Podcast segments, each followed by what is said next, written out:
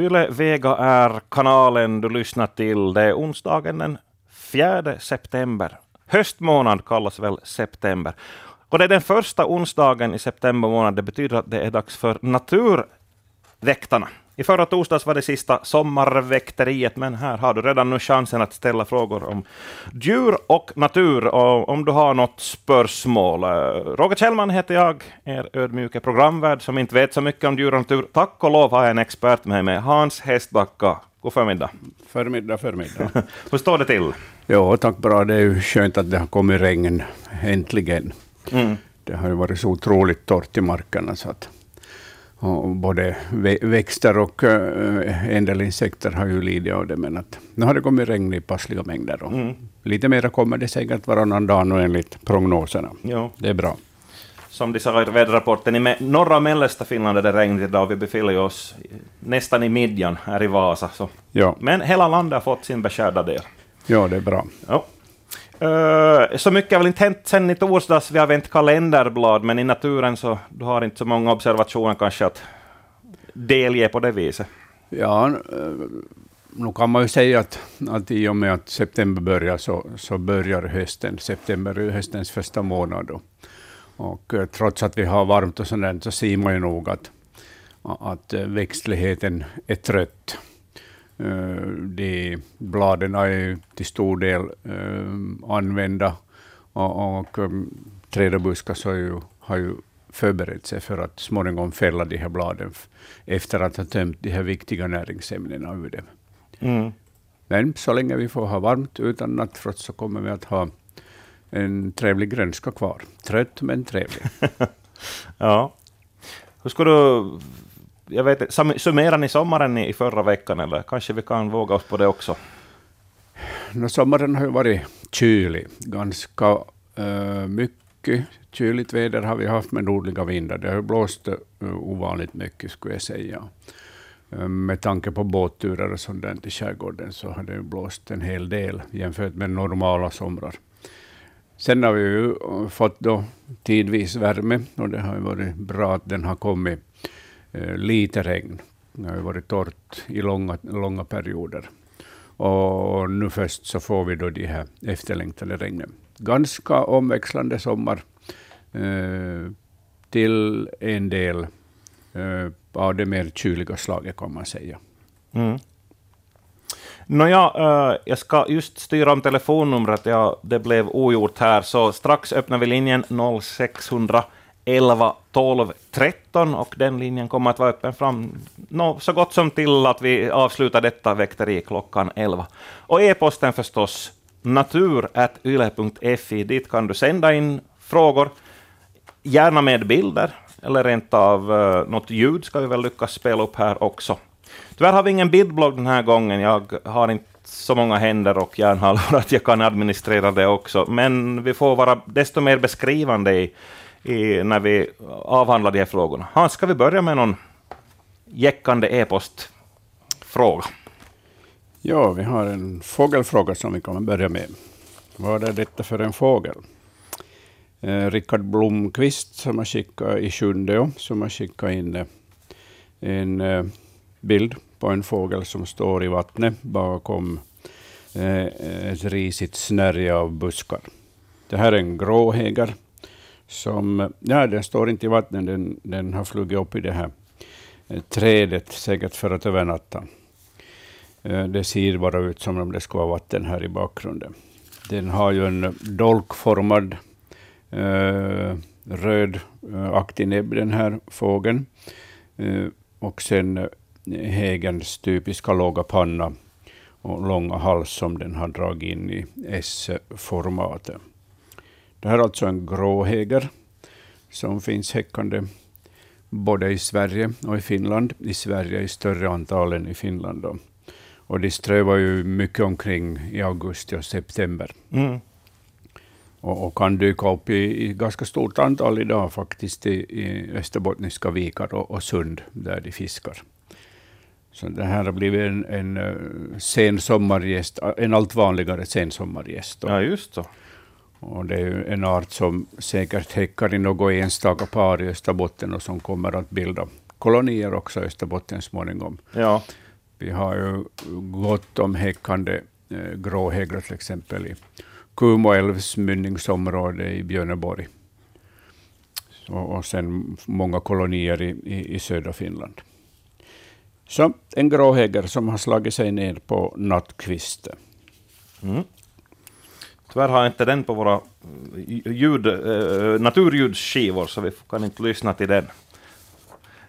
Ja, vi tar en till eh, e-postfråga här förrän vi, förrän vi lyfter luren för första samtalet idag.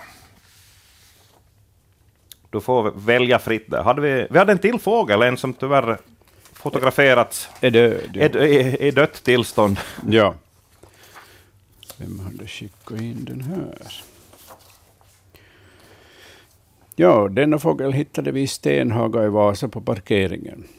Troligen hade flugit in i ett fönster och dött. Nu undrar vi om det kan vara en gök. Först trodde vi att det var en sparvhök, men näbben ser inte ut som en sån. Kan ni hjälpa oss att få reda på vilken fågel det är? Vi som undrar jobbar på Kårkulla och rör oss ute med brukarna nästan dagligen. Det skulle vara roligt att, och lättare att förstå om vi kan få svar via e-posten. Mm. Den är då?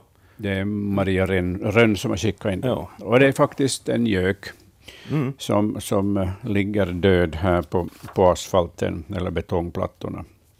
Vit, huvudfärgen och så svart och grå strim, tvärgående strimmor. Ja. Hela kroppen och vingarna. Och Ja, den har en vacker gråvit strimning på hela kroppen, den här göken.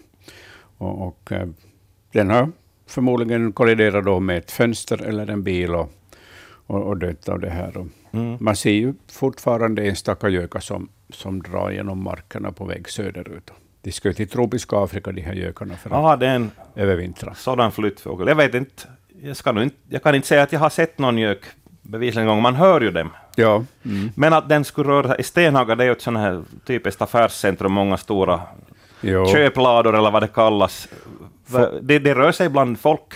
Fåglar, fåglar har vingar och, och uh, Vasa till exempel så ligger ju mitt i ett flyttfågelstråk, så att det, här, det är klart att det syns mycket flyttfåglar här. Och, och för de här uh, gökarna så spelar det ingen roll uh, var de flyttar, bara de hittar mat, det är det viktiga. Ja, den är inte på det viset inte skygg, Nej. menar jag. Nej, man kan se den faktiskt uh, flyga genom stan och i parker ibland. Och, och den påminner ganska mycket om sparvhöken, och den har ju äldre tider förväxlats med sparvhöken. Det fanns ju en vacker historia om att göken förvandlades till sparvhök senare på sommaren. Så pass mycket liknar de varandra, de här, mm. de här båda arterna. Men ja. som sagt, en gök ja. som har dött. Nu är det faktiskt lugnt på linjen här med att kolla. Nu, nu fungerar 0611 12 13, så välkomna gott folk att ringa in där. Och så har vi då vår e-post natur.yle.fi nu, nu blinkar det på linjen här. Vi tar in ett samtal. Hej och välkommen till Naturväktarna. Jo, det här är Dagen från Pargas. Hej. Hej på dig du. Jag har en sån fråga angående ormar. Ja. Eh, snokar och kuggormar. När man går in på, på svenska nätsidor så står det att snoken inte äter sorkar utan enbart huggormar. Men går du på våra inhemska nätsidor så är det, äh, äter både huggormar och snokar sorkar. Ja. Hur är det? Ja, um, nog kan snokar äta uh, sorkar fast de jagar mycket vid vatten och i vatten, så de äter ju en hel del uh, fisk och groddjur, men uh, givetvis kan de också ta sig en sork eller en mus om den kommer över det. Just det. No, jag har nog alltid förstått att de skulle göra det. Därför så blev jag så förvånad när jag gick in på de svenska nätsidorna och såg det. Men då är det klart, då äter vardera äter, ja. äter de här sorkarna. Ja, men, men man kan se nog att det finns en viss specialisering hos de här två arterna. Att snoken är, är mer specialiserad på, på fisk och, och groddjur medan huggormen är mer specialiserad på sorkar, möss och fåglar. Just så. Ja. Okej. Okay. Mm. men skitbra. Ja, Tack tackar. så mycket för det här. Tack ska du ha för samtalet. Hej då. Tack. Hej.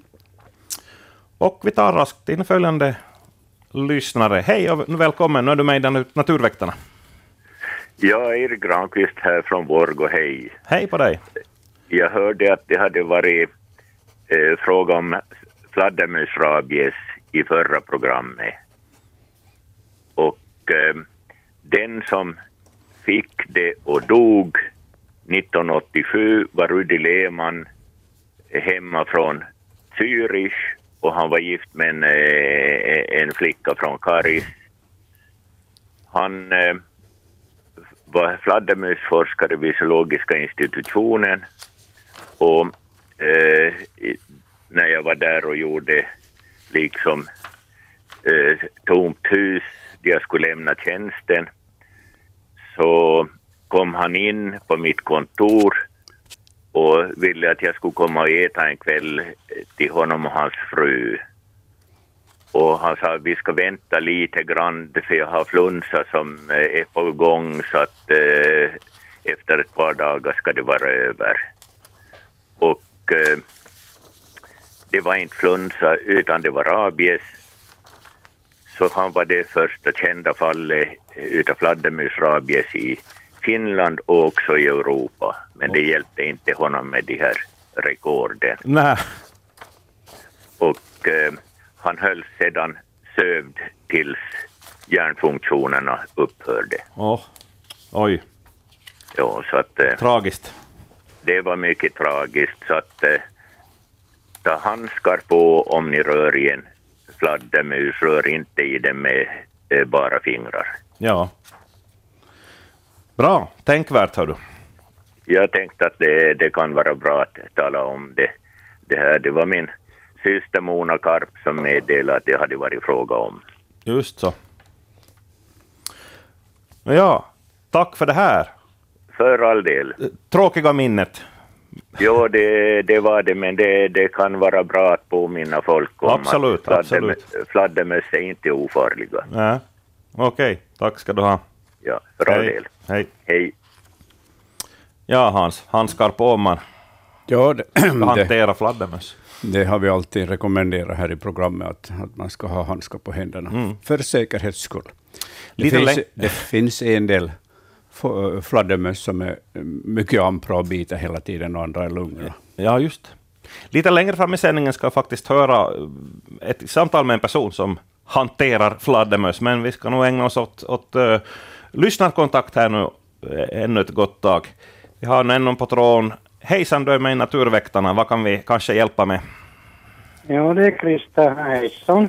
Hej! Jag har i, mitt lilla potatisland så har jag sådana gula maskar som tycker om potatis. Vad är det för djur det då? Ja, de här gu- gula larverna som, som finns i potatisland och som gärna äter sig in i potatisarna, så det är Mm. en skalbaggslarv, knäpparlarver. Och, och, Ja, just- och, och de, de, kallas knäppare, de här skalbaggarna, därför att om, om de hamnar på rygg så kan de sprätta till med kroppen och, och, och flyga genom luften, knäppa sig uppe på, på benen. Knäpp, knäpp, knäpparlarver är det. ja. Hur ska man klippa det? Tyvärr, Jo, sådana som, sådana som inte man tycker om i potatislandet. ja, tyvärr så, så, det här, um, så hittar man så finns det inget, inget botemedel mot det här, utan man måste byta, byta potatisland, platsen för potatislandet.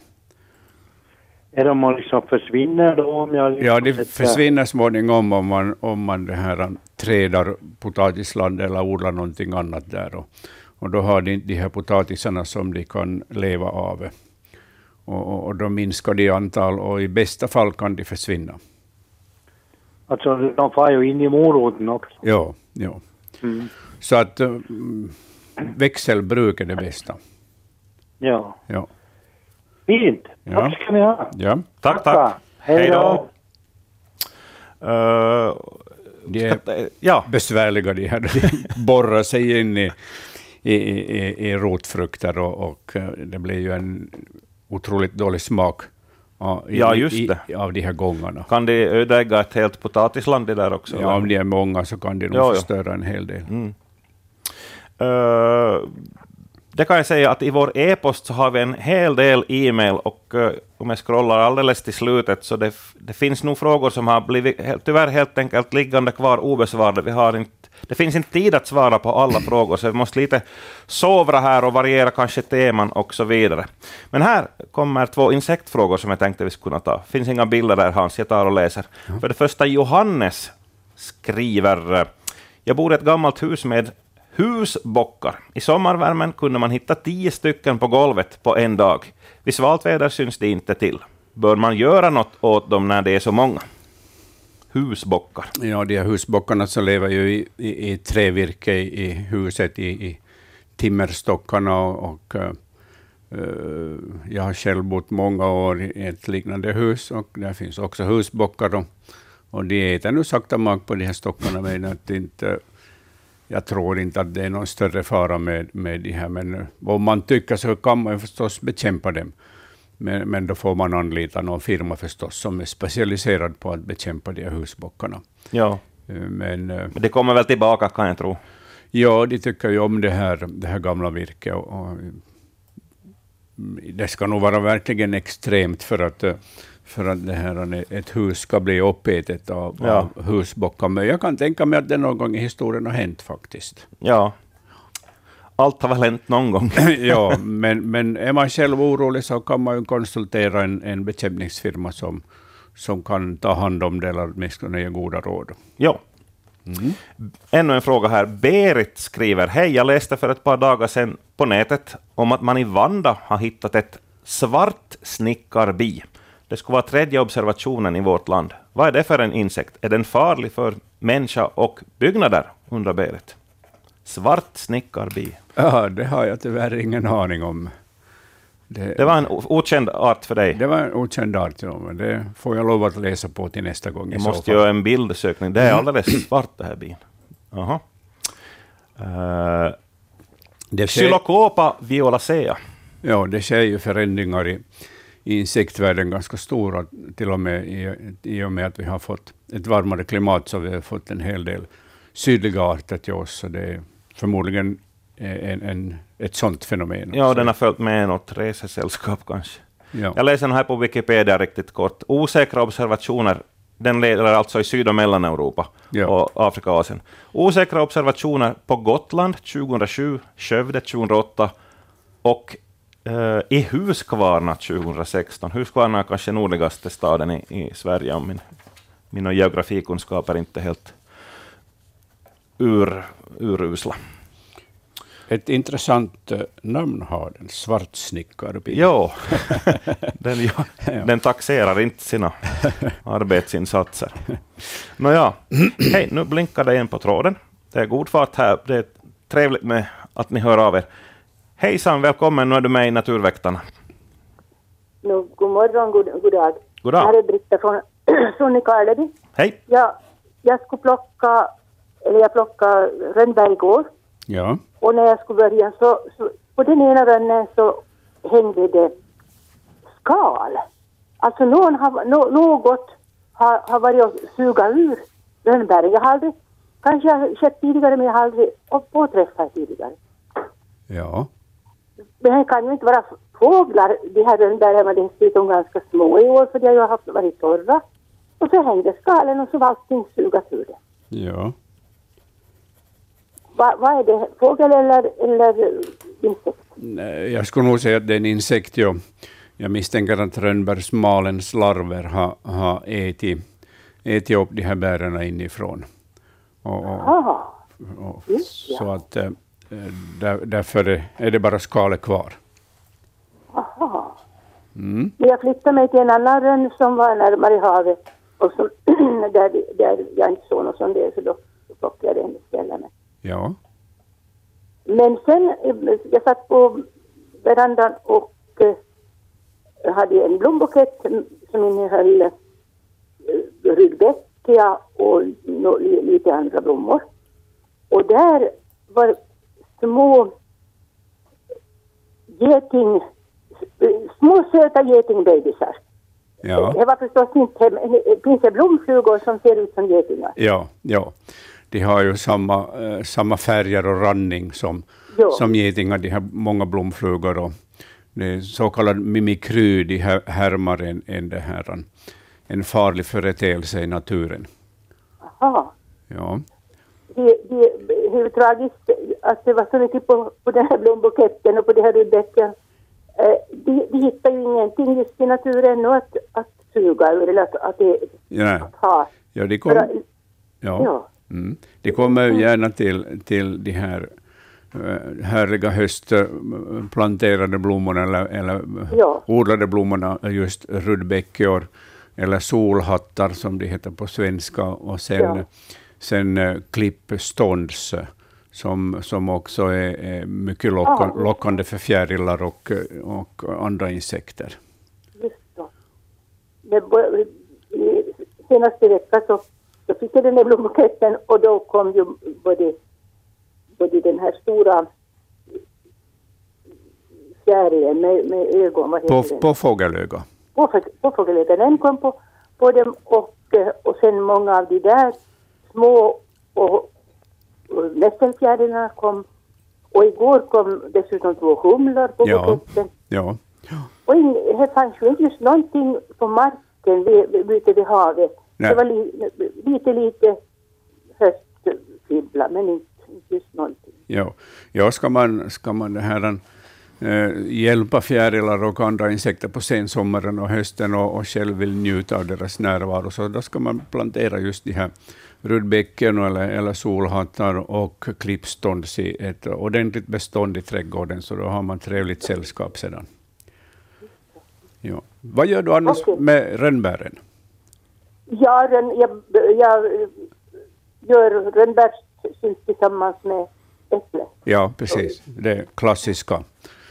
Jo. Ja, ja. det, det, blir, det blir där till köttet. Ja, ja rönnbären är ju otroligt bra eh, med tanke på det C-vitamin som de har. De, de har ju ett C-vitamin som inte förstörs av upphettning. Aha. Så, att, så att man har kvar C-vitaminer i, i saft och, och gelé och sylter och mos. Det är ett vik- viktigt bär, ja. mycket, mycket bra att använda. Bra. Tack för det här. Tack så mycket. Tack så mycket. Här vill jag inflika en egen observation.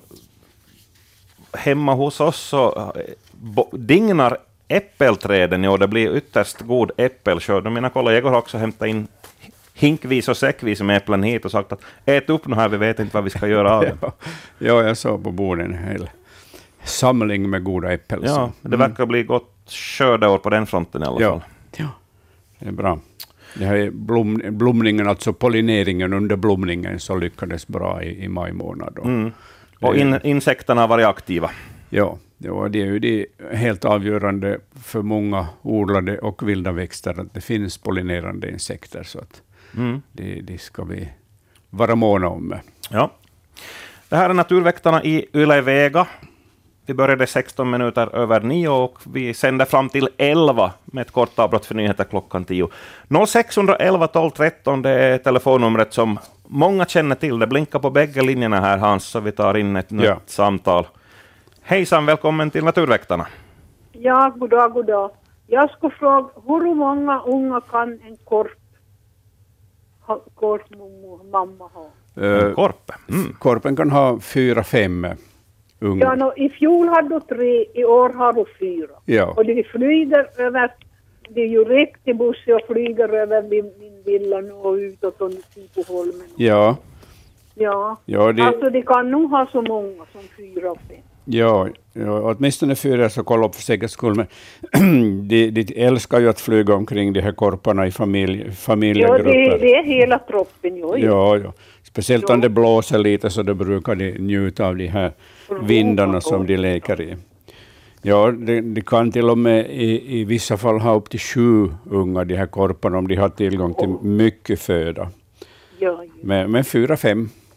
ja. Ja. De har fyra, i tre i fjol och fyra i år. Ja, så om de har fem nästa år så vet du att de har ännu bättre näringstillgång nästa år. Ja, ja. No, men det var jag ville, Ja, fråga. ja. Tack, tack. Tack ska du ha. Hej. Ja.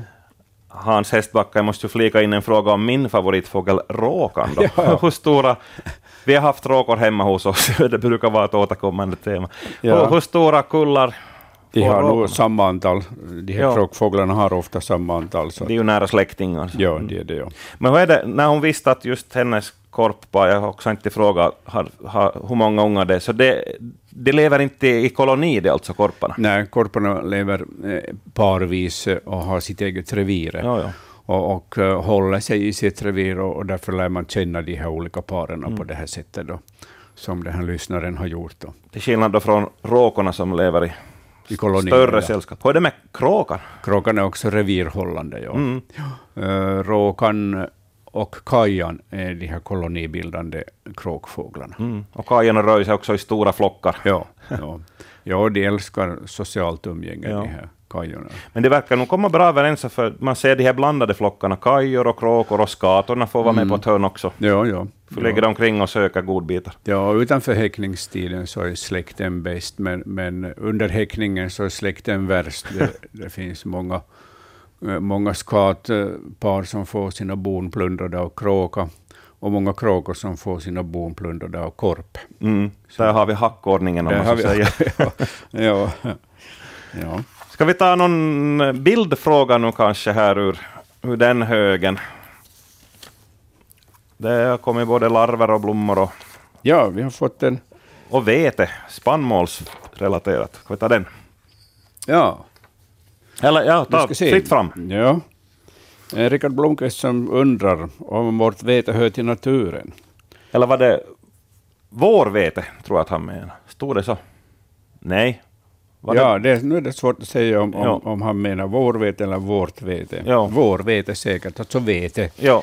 Eh, det vete som vi, som, som vi odlar, så, så det, här, det är ju förädlade sorter från, från uh, något ursprungligt, ursprunglig grässort. Så att, Mm. så att på det sättet kommer de från naturen. Vi skulle ju inte, människan skulle ju inte själv ha kunnat hitta på vete och råg och sånt Nej, nej. utan, utan vi har frammedlat de här uh, sort, olika spannmålssorterna från olika gräsarter. Mm. Så att uh, visst kommer den från naturen. Men när börjar man månne odla just vete i Finland?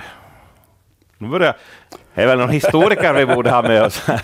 ja. Finns det sånt som kallas urvete, då, alltså oförädlade veten. Det finns nog eh, är det tvåradigt vete eller något Ja. enradigt vete som man har startat från. Och, och, men när skulle man kunna börja odla vete Ja. i Finland? Början av 1900-talet kanske, möjligtvis. Ja. Jag ska inte säga det där. Men, men, men vete och råg och de andra spannmålssorterna, så de kommer från naturen och det är Ja, ja. människan som har förädlat den för att få större skördar. Ja.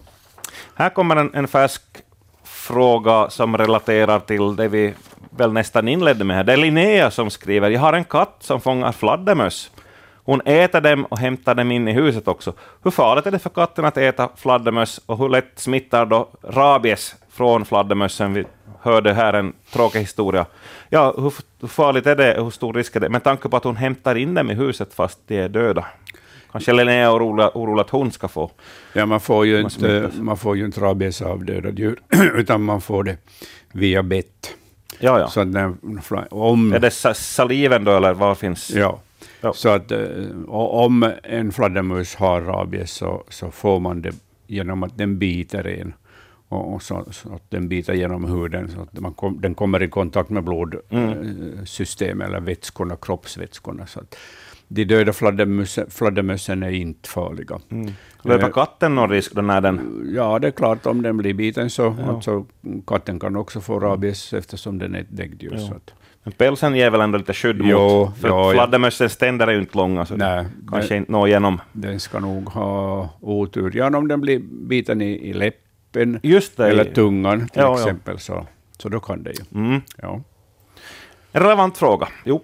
Mm. Uh, ska vi ta ännu? Ja, nu har du den. Den där intressanta som en kollega faktiskt ja, bad mig att vi skulle besvara. Du får beskriva den här vackra, på ett vis vackra Ja, är det- uppläggningen på fönsterrutan. Här är det en fluga som sitter fast på ett fönster och har suttit fast i minst två dygn. Och, och, och eh, på ett och samma ställe sen hade bildats ett uh, ljust mönster av något damm eller, eller korn. Det är som en gloria nästan, eller en halo, halo. Ja. och, och eh, det här är förmodligen en husfluga som då har kommit in mellan fönstren och uh, blivit Eh, uh, uppäten av svamp.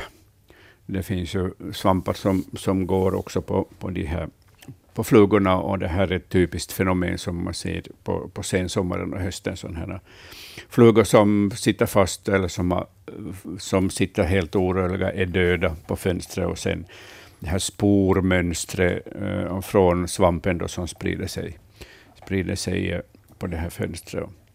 Och de här svampsporerna de finns ju överallt. Svampsporer finns ju överallt kan man säga. Så, att- så att det här, sådana här flugor kan de få på sig och sen blir de då uppkäkade av, av den här svampen. Mm. Intressant. Ett årligen återkommande fenomen. Ja, Snyggt.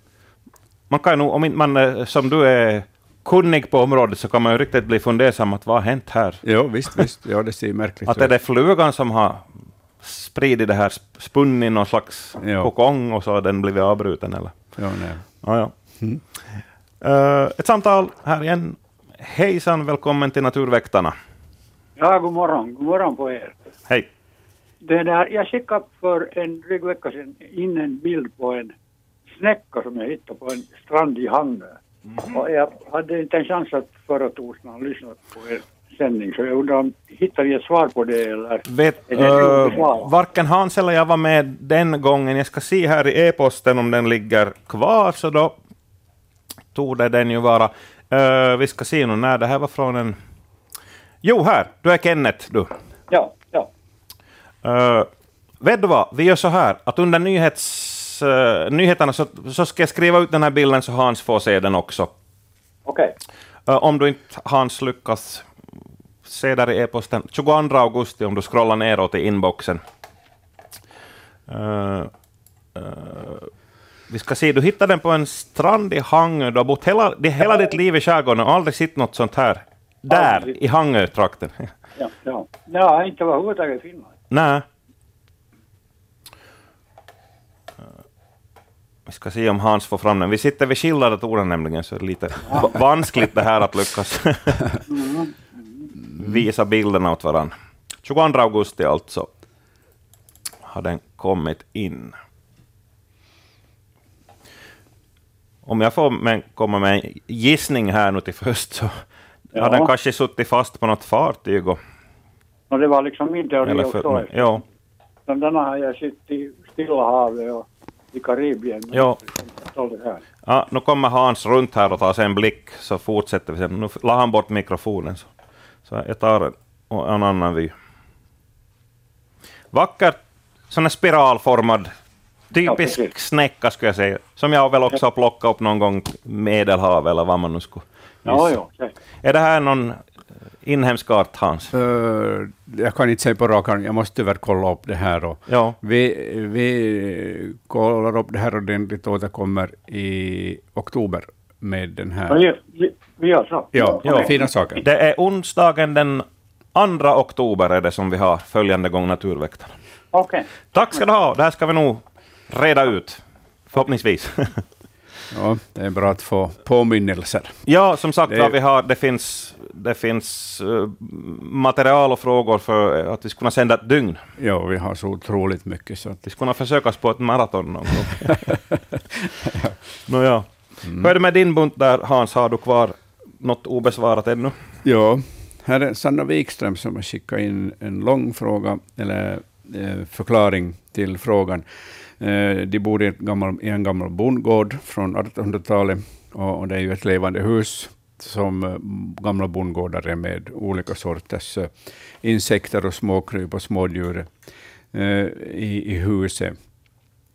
Och mössen brukar flytta in på hösten i huset precis som de brukar göra i många gamla bondgårdar. Och, och det, här, det har inte varit något problem, men nu har de fått eh, extra mycket möss eh, i, eh, i, den här, i det här huset. Och uh, det är framförallt avföringen och, eller avföringen och urinen som mm. luktar. Och, och, när det är mycket möss på gång så då blir det ju en ganska kraftig lukt stund, stundom. Och de har fångat mycket möss och, och hon undrar hur, hur de ska göra för att, eh, för att det här, eh, slippa alla de här eh. de har katter som fångar möss och sorkar och råttor. Och, och, och, men de som är inne i väggarna så kommer det givetvis inte åt. Så, jag skulle nog säga att det bästa sättet att få ner den här populationen är att fortsätta att fånga dem i fällor. Och, och om det bara är möjligt så, så sätt ut i nätterna många fällor Uh, möjligt med tanke på hunden och katterna i huset, så att de inte går och, och, och får de här fällorna på sina tassar eller nosar. Uh, det är nog det bästa sättet att, att fånga med fällor. Uh, och fast det nu kommer ett 10-20-tal inom en kort tid och det ser hopplöst ut, så jag tror nog de kommer att vinna den här kampen mot, mot den här mössinvasionen. Mm för gammalt hus, man, man hittar inte alla springor som de tar sig igenom, jo, nej, fast hur man än tätar och har sig. Det är omöjligt. Ja, de, de kommer in under brevfordringen och, och vi har springor vid, vid vägglistor och golvlistor och sånt där. Så det, mm. det är helt omöjligt att stänga ut äh, mössorna från, från ett hus. Och, men tyvärr så har de nu slagit sig på att föröka sig i det här huset uh, hela tiden och det är ju besvärligt förstås när, det, när de sprider den här lukten. Men den försvinner ju småningom den här lukten också. Så att, nu är det bara att skaffa mera fällor och, och, uh, mm. och det här, gillra dem till nätterna och, och, och, plocka så mycket som möjligt så kommer de nog att minska. Den som själv bor i gammalt hus har ett par sådana där uh, ultraljuds pipare och knäppare. Men jag vet nu, nu kanske det har hjälpt lite, men vad säger du Hans? Finns det något ljud som mössen faktiskt skyr, eller har jag gått på någon försäljningshumbug bara när jag har skaffat dem? Uh, om jag minns rätt så var det nämnt här att, att de har använt sådana, men, men det har inte hjälpt. Inte. Ja, just det. Jag tror att det kan nog vara åtminstone fråga om vissa apparater en rena rama bluffen. Jo, jo. Men, eh, men Sanna frågar här vad de kan sätta ut för, för eh, något material som de inte gillar. Ja, no, icke angenäma dofter. ja, ja no, malen peppar, malen chilipeppar och, och, och annan peppar, så i, i deras gångar så är det effektivt eftersom de springer längs med dem och, och hela tiden snusar efter, efter det här spåret och får de peppar i, i sig så, så det här gillar de inte. Men, men jag tror nog att det effektivaste i längden är nog fällor, fällor, fällor. Ja, ja. man får lov att, man får lov att uh, göra på det viset. Ja. Även om man kanske ogärna tar livet av de där mössorna, men man, det, det lyder inte order. jo, nej. Och, och, som Sanna skriver så de vill inte använda råttgift. Och, och det, det, är ju klokt därför att då dör de överallt i väggarna och golven de här och då sprider de ju en, en as, aslukt omkring jo. sig, de här döda. Och sen det är ju en plågsam död också. Ja, just. Att förblöda inifrån. Jo, som, och sen kan ju katterna få det i sig och få, fåglar och sånt där. Mm. Så vi håller tummarna för att, för att Sanna orkar med, med den här, i det här, orkar stå ut med det här mösskriget och vinner till slut. ja. Vi ska se här, vi har snart nått halvvägs Naturväktarna. Det är lite lugnt på linjen, så ska vi ta den här till synes enkla frågan. Nej, nu, nu ringer det faktiskt, så vi, vi får vänta med det. Hallå, välkommen till Naturväktarna. Jo, det är Lars Numelin från Kumo. Hej. Hej, Lars. Det där, eh, det sades bara en sak om, om möss och, och de här ultraljudsapparaterna. Mm. Och jag har använt den typen av apparater i 20, ja, 30, 25 år ungefär. Ja. Men det betyder i praktiken att de håller inte möss och råttor borta, men det gör det otrevligt för dem mm. att vara. Det har närmast hängt ihop med, med det att vi har tillverkat havrekärvar och sånt har förvarat dem Ja. i, i utrymmen, nog med råttgift och sånt här, men, men sen de här ultraljuden gör att eh, de inte liksom tycker om att bygga bo och liksom bo där. Ja. Ja. Men de kommer nog och äter. ja. Mm. Så det här var bara liksom Ja, en, en eh, kommentar bra. till det hela. Ja, så det kan löna sig att, att prova i alla fall sådana här ultraljuds... Eh, jo, man provar liksom ur den synvinkeln att du, får, du håller dem inte totalt borta, du kan inte hindra dem och det, Ja. det är inte på det sättet. Men det här oljudet ljudet gör det otrevligt för dem att Ja. så att säga bygga bo och Ja. vara där. Mm. Men de kommer nog och äter. Ja. Ja. Så att råttfällan är nog det effektivaste. Ja. Mm. Intressant. Så den här, så den här bara en, en, en kommentar till det hela. Mm. Tack så mycket. Ja. Okej, tackar. Hej, hej. hej. Ja, nu Ja. Hans, vi har... Ja, du har någon fråga Ja, där. ja. Sanna hade en, en, en följdfråga här om, om de måste börja riva eh, isolering och sånt eh, i, i väggar och tak med tanke på den här lukten och, och eh, fuktigheten de sprider, men jag tror inte de behöver göra det, utan, utan eh, den försvinner, den här fuktigheten, när, när mössorna försvinner också, och lukten försvinner också. Mm. Det är ganska radikalt att börja riva ut fyllning. Ja. Eh, nu har vi två minuter fram till nyhetspausen. Vi tar den här frågan som Rickard har skrivit in per e-post. Kort och gott. Jag undrar varför har granen barr? Ja. Finns det något att utveckla där? Det jag börjar fundera hur, hur har barr, barrväxterna utvecklats? Ja, de har utvecklats för att klara av eh, vinterklimat och torka. Mm. Barrerna eh, är ju, sitter ju på träden året om hos de flesta barrväxter. Ja. Och, och, det här, och de, de, de här barrerna är utvecklade enkom för att eh, klara då vintern och vårtorkan. Eh, de fryser inte sönder, vilket de här vanliga bladen på, på lönnar och björkar till exempel gör Mm. när det blir kallt, eh, utan de klarar, klarar det här eh, både köld och torka. Så där, därför finns det då barrträd i framförallt nordliga trakter. Mm. Och bladen, det har stor yta, så va- vatten dunstar Ja, stora ja, mängder. ja, de klarar ju, tack vare barrerna så, som, som avdunstar mycket lite vatten, så klarar de ju torka de här bar, barrträden. Och, och eh, det är ju eh, granens och tallens blad, fast de är eh, avlånga och Mm. lite stickiga av sig, nålformade. Är det i, i, i ökentrakter där det är hett och torrt, där tycker man att det borde ju vara också en miljö som det ska uppkomma barr. Ja, men där har växterna istället utvecklat um, tjocka, uh, kaktusarna till exempel, sådana tjocka stammar med, Ja, med tjock hud eller tjock utskikt, eller sen uh, tjocka blad som är uh, överdragna med, med vax, så att här, just för att uh, undvika den här kraftiga avdunstningen. Intressant. Ja. Naturväktarna med eh, expert Hans Hästbacka fortsätter efter tians nyheter. Då fortsätter vi bland annat på fladdermus-temat. Men nu blir det nyheter.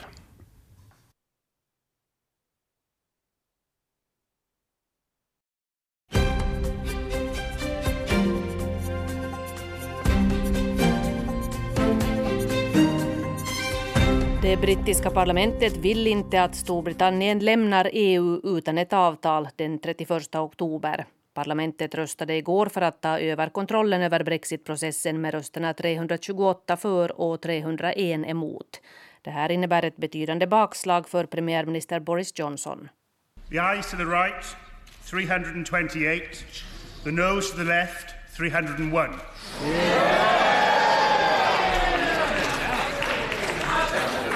Not a good start, Morris.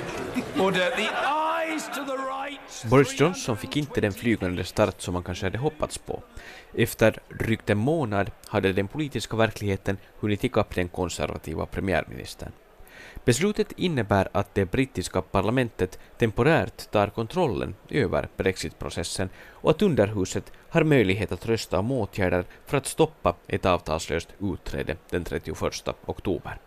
Omröstningen avgjordes av 21 konservativa ledamöter som valde att rösta med oppositionen mot sin egen premiärminister. Johnson sade att han kommer att lägga fram ett förslag om nyval om parlamentet går mot hans brexitlinje idag. EU vidhåller att innehållet i utträdesavtalet inte kommer att drivas upp trots Storbritanniens krav. Det här är Richard Husu i London. Hongkongs regeringschef Carrie Lam väntas idag dra tillbaka det omstridda lagförslag som utlöste de massdemonstrationer som har pågått i över tre månader. Bland annat den ansedda dagstidningen South China Morning Post uppger att lagförslaget dras tillbaka för gott. Regeringen har ännu inte bekräftat det här. Lagförslaget innebar bland annat att personer som åtalas i Hongkong kunde utvisas för rättegång